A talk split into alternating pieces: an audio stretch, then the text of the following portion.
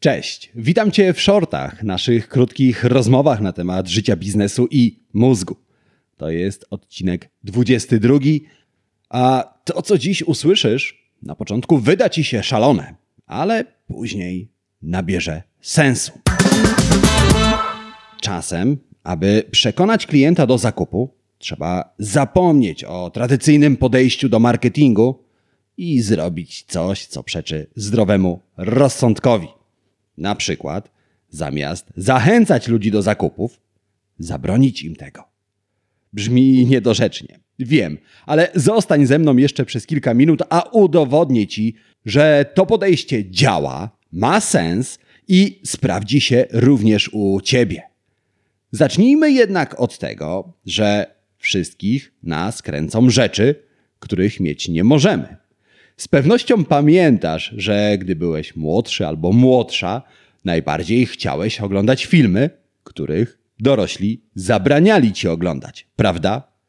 Choć od tego czasu upłynęło już kilka, kilkanaście lat i dziś sam decydujesz o tym, na jaki film wybierzesz się do kina, to w rzeczywistości niewiele się zmieniło.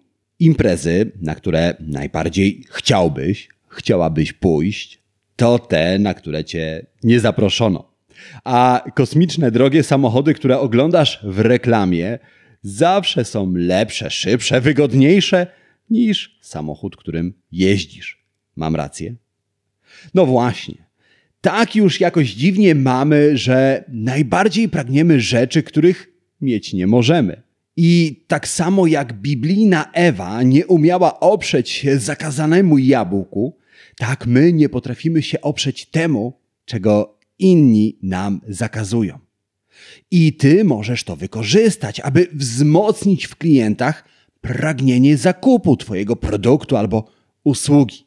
To, co chcę Ci dziś powiedzieć, to to, że jeżeli tradycyjne podejście do marketingu nie zadziała, spróbuj pójść w przeciwnym kierunku.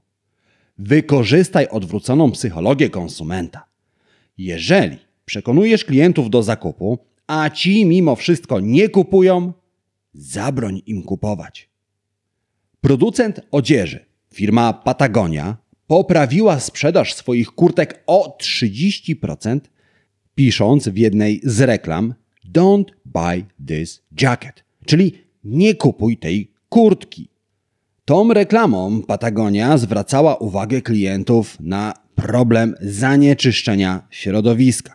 Producent słusznie zauważył, że zakup każdej kurtki w pewnym stopniu przyczynia się do zanieczyszczenia środowiska. Dlatego poprosił klientów, aby nie kupowali kurtki, o ile naprawdę jej nie potrzebują. Natomiast niemiecki Volkswagen podbił amerykański rynek nowym modelem samochodu, który reklamował, wymieniając 10 powodów, dla których nie warto kupować nowego Volkswagena. Te dwie kampanie opierają się o fundamentalną cechę naszej natury. Jeżeli czegoś mieć nie możemy, to bardziej tego pragniemy. Wykorzystaj to.